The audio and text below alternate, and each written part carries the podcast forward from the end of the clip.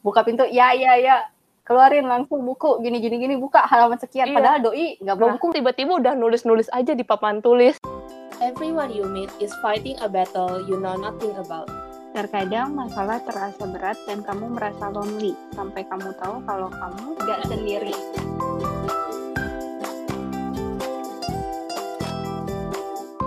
Kita kan udah temenan lama nih ya. Pertama kali ketemu itu kayaknya waktu mos SMA.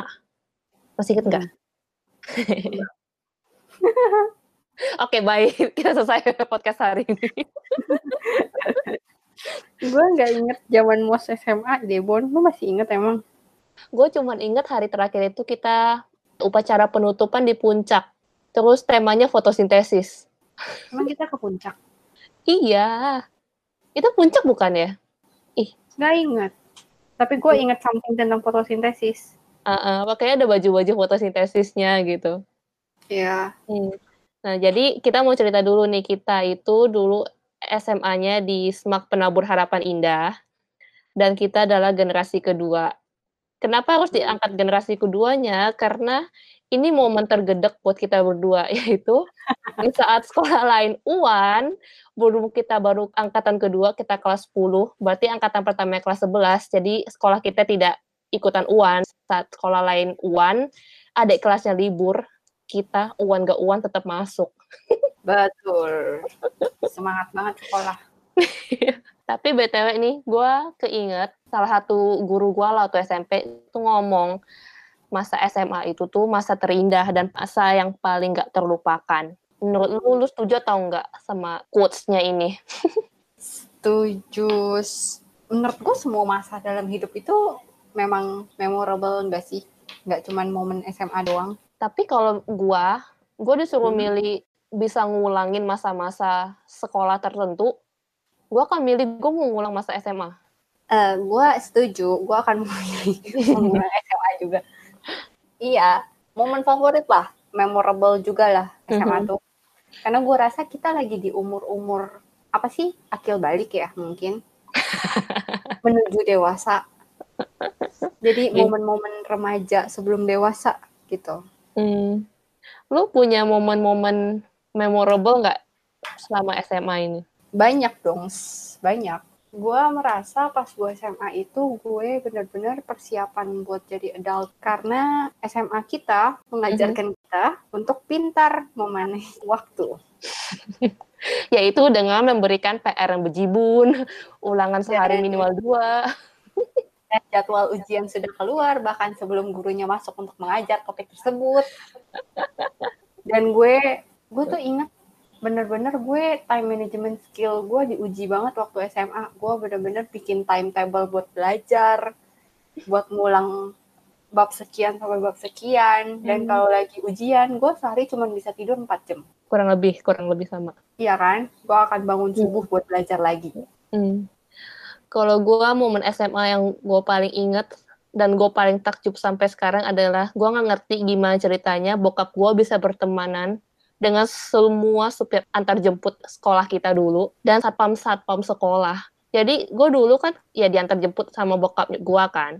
Nah tuh Mm-mm. kadang kayak kan lu tahu ya sekolah kita ada parkiran basementnya kan. Mm-mm. Nah, kadang kalau misalnya udah bubaran sekolah itu gue tahu, oh bokap gue parkir di mana gitu. Pas gue turun, satpam sekolahnya tuh bisa bilang, dek, dek, papanya belum datang, naik aja dulu. Ntar papanya langsung jemput di atas, bilang gitu. Berarti ini bukti bapak lu sering nongkrong di sekolah apa gimana nih? Ya kan tiap hari ngantar jemput gue. Tapi kan pas Bapak SMP juga lu diantar jemput kan? iya, tapi kan maksudnya kayak waktu SMP itu sekolah gue nggak punya lapangan parkir sendiri. Dia kan Hmm. parkirnya di luar sekolah gitu. Ya, dan menurut gue kayak waktu SMP nggak ada sih satpam sekolah yang benar-benar memerhatiin murid-muridnya. Jadi gue memorable juga satpam-satpam penabur dulu. Gua enggak dong. Enggak memorable sih itu. Gua enggak enggak ada yang gua inget. Yang gua inget itu momen pas gua pertama kali masuk Uh-huh. ke sekolah pas daftar. Kan gua Mhm. sama nyokap gua ya waktu itu. Hmm. Terus ketemu sama Pak TU TU siapa? Pak, Pak Ian, ya? Ah, Nah, Pak Ian ngasih form gini-gini gitu kan. Terus abis itu eh, ketemu sama kepala sekolahnya juga waktu itu. Ding ding Oh. Pak Hendro. Iya, bapaknya dreamy banget ya untuk anak. Maksudnya untuk kategori guru ya. Untuk kategori guru mukanya enak dilihat lah. Dan maksudnya dia sebagai kepala sekolah kalau misalnya lagi upacara ngomongnya juga enak. Mhm. Yang gue paling inget tuh sebenarnya pas kita sebelum UN, Bun. Lu inget gak? Kita sebelum UN, karena sekolah kita take UN super seriously, kita di prepare banget waktu itu. Sehari sebelum UN, kan kita Mhm. duduk lesehan tuh di apa tuh namanya? Kayak ada lahan kosong lah waktu itu. Lahan kosong atau di aula? Bukan, bukan di aula, yang di depan ruang guru itu loh, antara ruang guru sama TU. Oh, iya iya iya iya. Iya, gue nyebutnya lahan kosong karena gue udah nggak tahu itu namanya daerah apa lagi. Ketahuan banget udah lama banget lulusnya gitu ya. Gue bahkan nggak inget loh ada momen Hamin satu UAN kita dikumpulin. UAN bukan hari Senin yang mulai, berarti hari Minggu dong kita. Hari Jumat lah berarti. Oh my god. Iya lanjut. Itu kita dibagiin coklat-coklat gitu, saya ingat gue. Terus habis itu Pak Hendronya ngomong, endingnya sih dia ngomong tuh kayak, ini UN, saya minta besok kalian kerjakan itu dengan jujur. Mhm. Karena dengan kalian mengerjakan UN dengan jujur, berarti kalian sudah percaya dengan effort-effort dari guru-guru kita dan dengan sistem yang sudah kita buat untuk mempersiapkan kalian bahwa kalian akan siap untuk UN. Dan gue langsung kayak yang, "Ah, kalau mata gue ada hat-hat udah. Gila, gue nggak inget loh momen ini. gue sampai sekarang masih inget parah. Kalau gua di antara guru-gurunya, gue paling inget dua guru fisika kita, Pak Cong sama Bu Nona. Dan pastinya juga wali kelas kita Hmm, tercinta, kenapa? Bu Lucy, yang sabarnya, ya ampun, udah kayak apa ya, kasih ibu sepanjang masa. yang kita mau protes, nggak seneng apa didengerin gitu, bahkan apa ya rela nunda pelajarannya, tapi entah gimana tuh bisa ngejar lagi ketinggalannya gitu. Menurut gua kayak gua salut banget sama Bu Lucy. Terus kalau Pak Cong itu, gue inget Pak Cong itu adalah guru dengan dua spidol. Jadi kalau masuk ke dalam kelas, Pak Cong itu cuma bakal bawa dua spidol, spidol hitam dan spidol merah. Terus masuk-masuk, buka pintu, ya ya ya ya ya. Gue itu gue ingat. Yang gue ingat itu malah buka pintu, ya ya ya, keluarin langsung buku gini gini gini buka halaman sekian. Iya. Padahal doi nggak bawa Nah, buku. tiba-tiba udah nulis-nulis aja di papan tulis. Iya dan kita masih nyariin buku. Dia udah nulis lancar banget. Terus lu nanyain rumus apa pun dia tahu. Gue inget pertama kali dia ngajar itu kan untuk kita kelas 11 ya. Dan kelas pertama dia itu Mm-mm. dia ngajarin kita ngitung seberapa jauhnya bumi ke matahari. Gue emes sih, gue pertama kalinya lihat ada guru yang bisa dengan gampangnya mengajarkan seberapa jauh jarak bumi dan matahari. Terus kalau Bu Nona, gue paling inget tuh entah kenapa tuh kelas-kelas Bu Nona selalu kocak-kocak. Lo masih inget gak sih bahasa-bahasa favoritnya Bu Nona kalau manggil kita? Eh, anak muda. Oh iya anak muda bener. gue kalau ngomong kayak gini gue recall. Tapi kalau disuruh inget nggak inget aku tuh. Iya. Tapi kelasnya Bu Nona, gue inget satu kejadian sih. Hmm. Jadi kayaknya satu anak di kelas kita waktu itu sekelas kayak gue lupa deh. Jadi dia kayak yang Mhm. nanya rumus apa gitu kayaknya. Nanya rumus luas lingkaran kalau nggak salah. Mhm. Terus dia nggak tahu, dia hening. Kamu nggak tahu? Keluar kamu sekarang dari kelas saya. Keluar, disuruh tanya guru apa pun yang kamu ketemui gitu kan. Mhm. Dia keluar, tanya, balik masuk lagi, terus dia kayak apa jadi rumus luas lingkaran itu gitu. Iya. Dia bilang ini ini ini gitu. Hmm. Oke, kamu tanya siapa? Dia kirain mungkin nanyain Pacong kali ya, karena kan Hmm. sama fisika ya. Mm-mm. Dikasih tahu sama Pak Hendro. Hah? Pak Hendro, kepala sekolah. Kamu malu-maluin aja ya. Kayak yang aduh, itu ngakak sih. itu kan kita udah kita beda kelas guys berarti mungkin kejadiannya kelas 11 soalnya kan kita sekelas itu cuma di kelas 10 sama kelas 12 kayak- nggak sih Iya. kalau Bu Nona gue inget itu waktu itu kebahas tentang cermin dan kita tuh ditanyain gimana cara membedakan bagian depan cermin dan bagian belakang cermin terus kita sekelas tuh hening gak ada yang bisa jawab terus Bu. Nona ngasih perumpamaan lain istilah tuh gini kayak kamu ngeliat pohon gimana caranya kamu tahu itu pohon depan atau belakang dan gue ingat salah satu teman kelas kita ini karena kelas 10 ya dia tuh Hah? bilang oh dicium aja bu kalau amis berarti bau itu belakang Terus maksudnya apa tapi kalau kayak gitu? karena di belakang pohon dipipisin gitu Gua nggak inget. Gue gue inget itu karena kocak banget sampai sekarang bahkan gue tiap kali ngeceritain jokes ini ke teman-teman gue semua orangnya tuh ketawa gitu loh maksudnya kayak polos banget sih jawabnya. Tidak, aku tidak mengingat yang itu. Nah, tadi kan kita udah ngomongin nih guru dan staff yang memorable yang kita inget, yang lucu-lucunya. Lu punya Hmm. nggak pengalaman buruk sama guru atau staff di sekolah kita dulu? Em, ada dulu itu gue sempet dibikin nangis sama guru bahasa Indonesia Yang mana yang mana? Burita. Jadi waktu itu kayaknya kita dikasih project buat kayak bikin penelitian gitu ya. Harus Mhm. bikin ada bab satu, bab dua, bab tiga, terus penelitiannya tentang apa kayak gitu. Karya ilmiah remaja kelas 11 kalau nggak salah. Kayaknya iya pas kelas 11. Hmm. Waktu itu tuh gue sama kelompok gue kita berempat ya, gue inget berempat. Itu kayak udah ngerjain sampai malam kerja kelompok di rumahnya dia. Terus abis itu kita submit dan dia tuh kayak yang gimana ya minta ulang. Yang gue tangkap itu minta diulang semua dari awal. Ini penelitian nggak bisa dilakukan gini, ngepek ulang. Gue sampai kayak yang waktu itu gue udah begadang coy dan begadang di rumah orang dan ini kerjainnya berempat tapi lu dengan entengnya ulang tuh rasanya emosi kesel tapi gak bisa berkata apa-apa jadi gue nangis waktu itu. Itu tuh sampai kayak yang orang-orang langsung pada apa ya karena ngeliat tuh nangis dia keluar habis ngomong ulang dia keluar. Terus habis itu anak-anak kelompok gue pada ngeliat gue kayak breakdown gitu langsung kayak peluk semuanya. Kayak satu kelas cewek-cewek semua pada meluk kayak sabar ya kes. Kayak gitu ya gini gini gini gini kayak gitu walaupun ada juga orang yang nanya kayak kenapa sih nangis kenapa nangis kayak gitu Mhm. kan cowok-cowok biasalah kenapa nangis Mhm. kenapa nangis ya itu bener-bener sampai sekarang tanya pengalaman paling buruk yaitu nangis Kalau gua itu justru sama guru biologi Buyul. Kan gua udah pernah bahas ya di episode-episode sebelumnya. Kenapa gua nggak suka biologi SMA? Iya, gua nggak gue apa ya yang bikin gua nangis atau itu karena kayak dalam seminggu itu gurunya ini tuh apa ya ngambek sama kelas kita. Gue lupa itu kelas 11 atau kelas 12 ya yang ngambek terus kayak walk out gitu Hmm. loh dari ruang kelas. Nah yang pas kedua kalinya itu yang dia ngambek sampai kita sekelas itu nggak bisa pulang. Oke lah kalau itu cuma sebentar aja tapi ini kayak yang waktu itu kayak dua jam lebih ya kalau nggak salah. Terus yang kayak gue udah stres banget karena kan bokap gue nungguin juga kan dan bokap gue tuh nggak suka nunggu terlalu lama. Dan waktu itu momen nggak boleh bawa HP ke sekolah. Terus kalau misalnya bokap gue telat Ya. jemput gue otomatis telat jemput adek gue terus kalau udah telat jemput adek gue kita telat pulang nyokap gue juga telat dijemput lagi. Dan maksud gue kayak lu kan marah ke Oh. satu orang doang gitu. Kenapa lu marahnya malah ke satu kelas gitu? Kenapa bukan ke satu orang aja gitu? Ya gue ingat waktu itu gue Oh. pulang dalam keadaan nangis sampai bokap gue shock banget oh jadinya akhirnya setelah nunggu dua jam pulang gitu Iya, pulang gitu aja.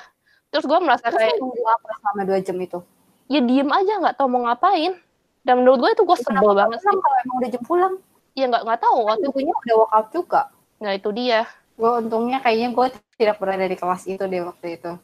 Oh berarti kelas 11 kejadiannya. Nah udah deh, kita jangan bahas yang memori-memori yang buruk-buruk deh. Ini kan udah namanya flashback, kita harus bawa yang seneng-seneng. Lu punya memori konyol nggak? Gue ada satu yang konyol. Mhm, Lu inget pas kita kelas 12, kita mhm. kan ada ujian praktek. Ya, Ya, waktu itu ujian prakteknya kimia hari itu. Mhm. Kita kan sebelum ujian praktek tuh disuruh baca ujian-ujiannya apa aja, hafal-hafalin ini alatnya apa apa apa apa kayak gitu. mhm, Kian banyak penelitian dihafalin, dikremin masuk otak. mhm. Terus abis itu gue inget pas gue kimia, gue nyampe di meja gue dan gue lihat topiknya tuh yang gue nggak pernah baca sebelumnya. Jadi reaksi pertama gue, gue panik. Ini gue nguji apaan ya? Terus alat-alatnya kan udah disiapin. Gue panik tuh. Karena gue merasa gue nggak baca penelitian yang ini. Terus kemudian pas gue baca lebih lanjut, ternyata kimia gue dapatnya itu menguji enzim yang ada di ludah. Jadi di sana ditaruh tuh ada nasi. Dan nasinya udah dingin karena lab kan dingin Hmm. banget.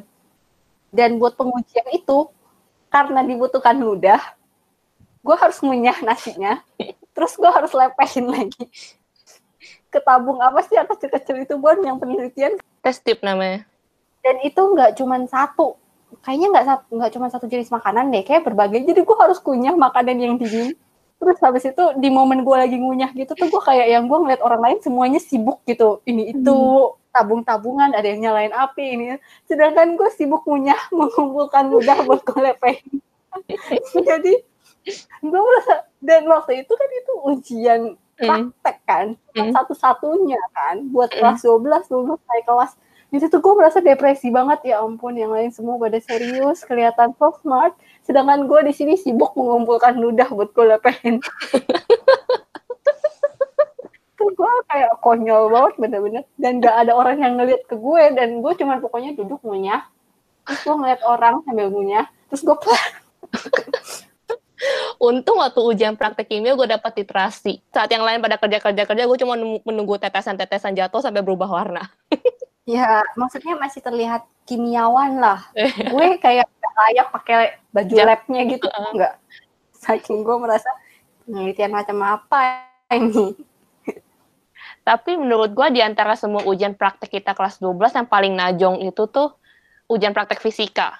Kalau yang lain mungkin lu ngafalin judulnya, terus penelitiannya tuh kayak butuh alat-alat apa aja, cara kerjanya, terus gimana cara analisisnya kan. Fisika itu Mhm. enggak, jadi lo harus ngafalin introduction-nya, dasar teorinya harus hafal, terus cara kerja, lo harus bikin kayak result and discussion, terus bikin conclusion. Jadi pas ujian praktek fisika, gue inget lu ambil undian, lu dapat apa, lu ambil peralatan, lu bikin, habis itu lu harus tulis di dua lembar folio bergaris itu loh. Mhm, Nah, mhm. jadi ngafalin udah banyak banget, ngerjainnya juga lumayan, nulisinnya lagi, eh, emang menurut gue pas kita IPA itu uprak tuh paling oh amazing tapi di antara semua uprak, menurut gue yang paling nyantai itu bahasa Inggris. Gue paling suka ujian praktek bahasa Ya. Inggris. ya iyalah Speaking kayak apa ya, impromptu talk, kamu ngambil topik, terus eh, dalam waktu 1 sampai 2 menit ngemikirin kayak pidato singkat gitu. Terus kayak kita masuk berdua deh, terus kayak kita harus bikin ya drama singkat. ya gue kan. ingat ada skenario skenario gitu Heeh. Terus satu lagi gue lupa deh mas apa gitu. Oh sama itu ujian bahasa Sunda, lu masih inget nggak? lupa kita disuruh ngomong bahasa Sunda Suruh menceritakan cerita legenda Sunda gitu kalau nggak salah. Gue inget pokoknya gue hafal mati karena dari 12 tahun gue sekolah, gue baru dapat pelajaran Sunda itu kelas 12. Tapi gue lupa sih jangan cerita apa. Ya BTW, SMA kok nggak enak banget ya kalau kita ngomongin sekolah. PR-nya, project-nya, sampai ke ujian prakteknya. Apa yang bikin seru SMA? kejadian-kejadian konyolnya sih menurut gue Mhm. jadi waktu itu kan lu udah sempet singgung kita generasi kedua ya Nah, Mhm. sekolah kita itu empat lantai ya Bon ya Iya, empat lantai. nah waktu itu gue lagi di lab kimia Mhm. tiba-tiba alarm kebakaran berbunyi panik dong Hmm. gue Eh, kayak kita kelas 10 deh gue 10 panik lah. dong Heeh. gue panik padahal gue udah langsung lihat sekeliling gak ada yang kebakaran tapi kenapa alarmnya berbunyi? Gue udah panik gitu kan. Terus habis itu Bu Lucia yang waktu itu guru kimia udah langsung kayak ayo ayo keluar keluar keluar keluar. Kebakaran kayak gitu alarmnya Mhm. bunyi gitu. Hmm. dan pas gue jalan keluar kayak ada asap-asapnya. Jadi kayak Mhm. real gitu loh. Heeh. jadi gue panik gitu kan. Dan waktu itu gue udah kayak siap-siap mau bawa tas gue. Cuman karena diburu-buruin jadinya kayak ditinggal aja semua udah gitu. Jadi bener-bener cuma turun bawa badan sambil masih lagi pakai baju lab sepanjang jalan turun itu kan rame banget kan orang karena kan kayaknya semuanya pada panik gitu ya. Rame tapi masih jalan jalan gitulah. Mm. pas lagi jalan gitu tuh gue sepanjang jalan kayak panik tuh tas gue gimana? Kalau kebakaran. Nanti dilihat kimia lagi kayak gitu. Tas gue yang isinya banyak barang buku-buku itu kayak gitu. Jadi gue tuh sepanjang jalan sampai di bawah ah, udah berdiri di barisin kayak upacara gitu tuh gue masih panik soal tas gue. Dan ternyata pas dibilang itu tadi adalah simulasi kalau terjadi kebakaran di sekolah. Gue langsung kayak titik titik titik. Gue dari tadi udah panik tas gue kebakaran. Gue ingetnya tuh momen gempa. Karena pernah sekali kan kita lagi ekskul ya waktu itu ya. Kayak udah selesai bubaran terus gue masih waktu itu ada ekskur kan. Gempa. Pas itu gue lagi makan siang terus gue ngeliat. Gambar. Apa kan ada kelas kita ada taruh gambar-gambar kan figura-figura gitu. Gue makan gue sambil ngeliatin tuh gambar terus kayak oh makin lama Mm-mm. makin miring makin miring makin miring. Kayak ih shit ini gempa. Terus gue langsung lari ke bawah. Dan gue masih Terus lari turun. iya gue turun kan. Waktu itu untungnya udah sepi. Terus gue masih ingat sampai di bawah itu gue dengar Burita masih sempet bawa dompet bawa tas-tasnya dia segala macam Kayaknya pas kejadian gempa itu, gue lagi di itu deh, di mobil jemputan. Dulu kan pas gue kelas 10 pulang pergi naik, pulang Hmm. di, pulang. Pulang naik mobil jemputan. Jadi gue lagi duduk gitu kan, di basement, di mobil. Tuh kayak, kok gue pusing ya tiba-tiba, kenapa kayaknya pusing ya? Tapi itu anak-anak jemputan gue kayak turun dari mobil, terus kayak yang ada yang dorong dari belakang, kayak gitu. Jadi mereka ngirainya something-something. Hmm. Mereka turun, mereka lihat ke belakang mobil, enggak nih, nggak ada apa-apa, nggak ada yang dorong. Terus gue kayak, tapi kenapa kita berasa tiba-tiba pusing ya, kayak tiba-tiba bergerak. Nggak ada yang ngeh kalau itu lagi gempa, geng. Pas udah tantenya balik, nyupirin kita pulang, dia baru kayak yang tadi kalian ngerasa gempa nggak? Oh tadi itu gempa, kita kirain ada yang dorong mobilnya. Gembel. Hmm, tapi yang dibilang masa SMA itu masa-masanya cinta monyet. Udah masuk ke Hmm. penghujung ini. Hmm. Lu masih inget nggak kayak masa-masa cinta SMA gituan? Atau mungkin ada cerita-cerita? Hmm, cerita-cerita ada sih. oh my god. Kayaknya pas 10 deh. Aha. Ada kakak yang tiba-tiba kayaknya waktu itu zaman Facebook ya. Jadi zaman di Messenger gue di chat terus diajakin ngobrol gini gini gini. Yang tiba-tiba di ghosting dan kemudian jadian sama anak sangkatan kita ya. Mhm. Terus gue kayak yang, ah, oke, fine. Udah, begitu aja. Kalau lu Jujur gue nggak ngerasa sih kalau dideketin. Tapi ya kalau emang dengan rutin ngobrol gituan dihitung dideketin ya ada. Cuman ya ada yang berkesan, biasa aja. Gue malah seingat gue kayak waktu SMA itu kebanyakan justru dari sekolah-sekolah sebelah. gue mainan sama tetangga guys. bade. lu inget gak sih, Hmm? kita pernah ribut pas SMA, Bon. Dan ributnya lumayan heboh. Gak heboh-heboh amat sih, tapi ya drama lah. Gue cuman inget kita ribut itu untuk kelas 10 yang PMR. Yang hari terakhirnya. Seriusan, gue cuma inget kita berarti tidak recall yang itu soalnya. gue tidak recall yang itu. Yang itu ributnya karena apa? gue lupa kayaknya masalah apa gitu kan soalnya lu orangnya keras kepala gue juga keras kepala jadi lu nya keras ketemu gue yang keras terus gue kayak au ah lu kan tahu gue kalau marah kayak yang udah au ah gue tinggalin gituan aja dan gue inget kayak apa ya waktu penutupan pelantikan PMR itu yang gue bener-bener ngejaga jarak sama lu sampai kita pulang weekend Senin ketemu lagi baru udah baik-baik aja. Tapi gue lupa itu gara-gara apa. Gak inget gue yang itu. Yang gue inget itu, Mhm. pas kelas 10 kan waktu itu gue diantarin bapak gue gue masuk kelas tas pun belum gue taruh. Gue ibarat kata masih jalan ke meja gue tempat gue duduk Mhm. biasa nih. Lu tiba-tiba langsung kayak Kes lu nggak share ya jarkom yang gue share ke lu? Terus gue kayak yang what the heck? Ini masih pagi gue bahkan belum taruh tas dan dia udah teriak-teriak gue kayak yang what karena kan waktu itu eh, kayaknya lu apa sih lu bendaharanya ya Kita berdua sekretaris. Oh, soalnya gue ingat gue ada pegang buku-buku hijau itu yang tiap kali guru kalau misalnya leaving the room gue harus minta tanda tangan dulu kayak gitu. Itu yang gue inget sih tiba-tiba. Agenda kelas. heeh. Jadi kayaknya lu yang kasih jarkom ke gue, gue yang biasanya karena waktu itu limit SMS gue gede kayaknya ya. Mhm. Jadi selalu gue yang langsung sebar ke satu kelas. Gue nggak yang forwardin ke satu orang terus ada jarkomnya gitu enggak. Jadi selalu dari gue pung langsung ke satu kelas. Nah jadi gue belum naruh tas dan lu udah ngoceh kayak gitu. Gue kayak yang gue shock dan gue kayak yang udah kok udah gue share jarkom lu yang terakhir tentang ini kan. Terus lu kayak yang enggak, gue ada share lagi ke lu yang satu lagi yang malam jam sekian gini-gini tentang ini ini ini ini. Terus gue kayak yang kayaknya gue nggak terima deh Bon yang itu. Terus lu masih kayak yang ada soalnya gue pas ngecek itu udah delivered ke lu. Gue kayak karena gue masih bengong awal-awalnya lama-lama gue kayak emosi juga kan. Kayak ini orang kenapa teriak-teriak tapi ngomongnya? Jadi gue teriakin balik ya udah sih nggak masuk di gue terus mau apa? Gue nggak terima. Gue bilang kayak gitu kan. Terus karena gue kesel gue kayak blek taruh tas terus gue ke toilet gitu. Udah tuh. Terus gue nggak gue balik dari toilet gue nggak masuk kelas lagi? Gue kayak duduk kayak berdiri aja di depan gitu. Di dekat railing tangga. Kayak ngelihat orang aja gitu mondar mandir gue nggak masuk kelas kan karena gue tau lu masih di dalam sana. Gue dan gue masih bete. Gue nyampe nyampe diteriakin. Terus habis itu ada Hmm. teman kita yang Hmm. nyamperin gue. Terus dia kayak yang kes lu nggak apa-apa kan?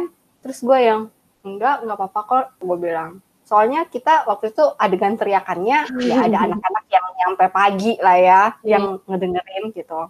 Dan mereka tahu kita temenan baik teriak-teriak gitu pagi-pagi. Jadi kayak nyamperin lu nggak apa-apa kan kes? Kayak gitu. Terus gue kayak enggak gue nggak apa-apa. Kenapa emang? Oh soalnya Feli di dalam lagi nangis. Kayak yang dia nangis. Gue kan nggak masuk ya. Gue kayak what? Really? Beneran gue bilang kayak gitu. Terus dia kayak yang "Eh, iya kayaknya sih tadi matanya merah gitu usap-usap. Oh my god gue gue langsung kayak gitu. Terus gue nggak inget kita baikannya gimana. Tapi yang gue inget dia ngomong kayak gitu lu sampai nangis bun. Lu inget gak kalau lu sampai nangis? Gue seingat gue di sekolah yang gue nangis itu cuma yang gara-gara buyul itu doang. Seriusan gue nggak inget kalau kita pernah berantem kelas 10 yang sampai teriak-teriakan. Gue inget perkara jarkom sih makanya lu teriak-teriak gitu gue kayak yang sih Serius gue nggak inget. Eh, BTW, eh, Jarkom itu adalah jaringan komunikasi. Jadi, di sekolah kita dulu itu setiap kelasnya punya jaringan komunikasi. Jadi, misalnya dari wali kelas punya informasi apa yang darurat, yang udah mepet-mepet gitu lah. Biasa udah malam-malam baru disebarin. Bakal dikasih tahu ke ketua kelas. Ntar ketua kelasnya disebarin ke pengurus-pengurusnya. Dan setiap pengurus itu di bawahnya ada satu orang lagi misalnya murid A gitu, ntar murid A nyebarin lagi ke murid B, terus dari murid B dia harus ke murid C dan seterusnya gitu terus. Iya, tapi waktu itu jarkomnya kita tidak berfungsi, tidak di forward sama orang-orang, jadi jatuhnya selalu di gue. Gue yang akan sebarin langsung ke semua satu kelas. Nah, sebenarnya masih banyak banget sih cerita-cerita SMA yang seru, yang kocak, yang aneh. Tapi demi privasi kita berdua, karena nggak mau kan image kita belum apa-apa. Baru episode keberapa ini? Episode ke-9 udah rusak duluan. gue udah rusak dari episode 2, geng. Nah, jadi eh, mungkin ada nih teman-teman yang juga alumni penabur harapan indah atau alumni penabur lain punya cerita apa sih yang seru tentang masa-masa SMA kalian? Boleh banget share ke Instagram kita. Di at podcast gak sendiri, GAK sendiri. Yes. Mungkin kita juga bisa bantu sharing-sharing ntar di Instagram kita biar siapa tahu nih ketemu teman-teman alumni yang udah lama lost contact Terus tiba-tiba CLBK. Iya. Mungkin ada cita-cita lama, cita-cita masa SMA, CLBK gitu kan. Iya, dan kalau mungkin ada cerita-cerita atau kalian ternyata teman-teman SMA kita yang punya pengalaman bareng sama kita, tiba-tiba mendengar podcast ini jadi kangen sama kita, DM kita Atau ada dari cerita kita yang mau dikoreksi, boleh banget. boleh banget. tolong jangan disu ya gue. Oke, and see you on the next episode. Bye. Kamu nggak pernah tahu bagaimana ceritamu bisa menguatkan orang lain. Yuk, bagikan ceritamu supaya lebih banyak lagi yang dikuatkan. Ternyata, gue gua nggak sendiri.